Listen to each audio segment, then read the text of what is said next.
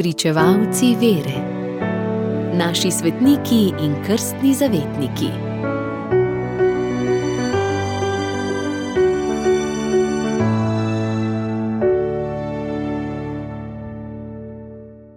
Dvanajstega julija godujeta sveta Mohor in Fortunat mučenca. Najbrž večina bralcev pozna Mohorjevo družbo, najstarejšo slovensko knjižno založbo, ustanovljeno leta 1851 na pobudo blaženega škofa Antona Martina Slomška. In zakaj je novi knjižni družbi izbral za varuha prav svetega Mohorja in Fortunata? Sam piše, kar sta Čehoslovakom brata Ciril in Metod, to je nam slovencem sveti Mohor.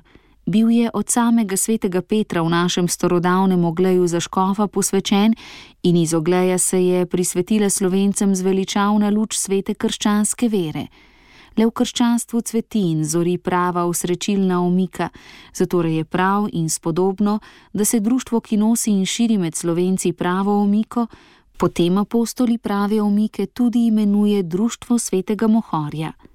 Mučenca sveta Mohor in Fortunat sta bila zavetnika oglejskega patriarhata. Oglej je bil žarišče misijonskega delovanja med slovenci južno od reke Drave. Sveta Mohor in Fortunat sta bila od leta 1461 do 1961, torej natanko 500 let, prva zavetnika ljubljanske škofije, odtlej pa sta njena drugotna patrona. Na slovenskem ozemlju, južno od Drave, je njima posvečenih sedem župnijskih in 25 podružničnih crkva. Po stari legendi, ki je bila prvič objavljena v spisih langobardskega zgodovinarja Pavla Diakona, umrl je leta 799, naj bi oznanjal blagovestvu ogleju sam sveti Marko, ki naj bi tam napisal svoj evangelij. Vodstvo škofije pa je izročil Mohorju, ki naj bi ga na to sam sveti Peter posvetil v škofa. Mohor naj bi skupaj z diakonom Fortunatom dal življenje za Kristusa pod cesarjem Neronom okoli leta 67. To izročilo se je po znameniti zlati legendi razširilo po vseh pokrajinah krščanskega zahoda. Gočkofa Mohorja in diakona Fortunata so v Oglejski cerkvi obhajali 12. julija, vendar z ugotovitvijo, da je to spominski dan prenosa njunih relikvij. Tako škof Mohor kot diakon Fortunat sta zabeležena v spominu škofije Sirmium, današnja Sremska Mitrovica.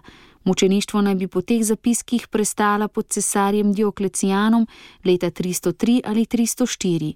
V času preseljevanja narodov, najbrž med letoma 408 in 9, so skrbi, da jih zavarujejo pred oskrunitvijo kosti obeh mučencev, prenesli v oglej. Tako sta Mohor in Fortunat postala oglejska mučenca.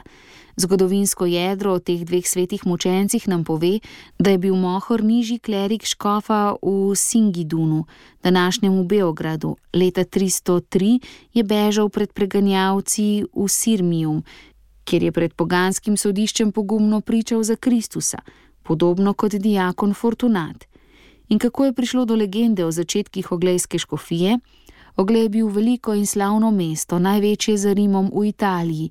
Med preseljevanjem narodov so ga leta 452 požgali Huni.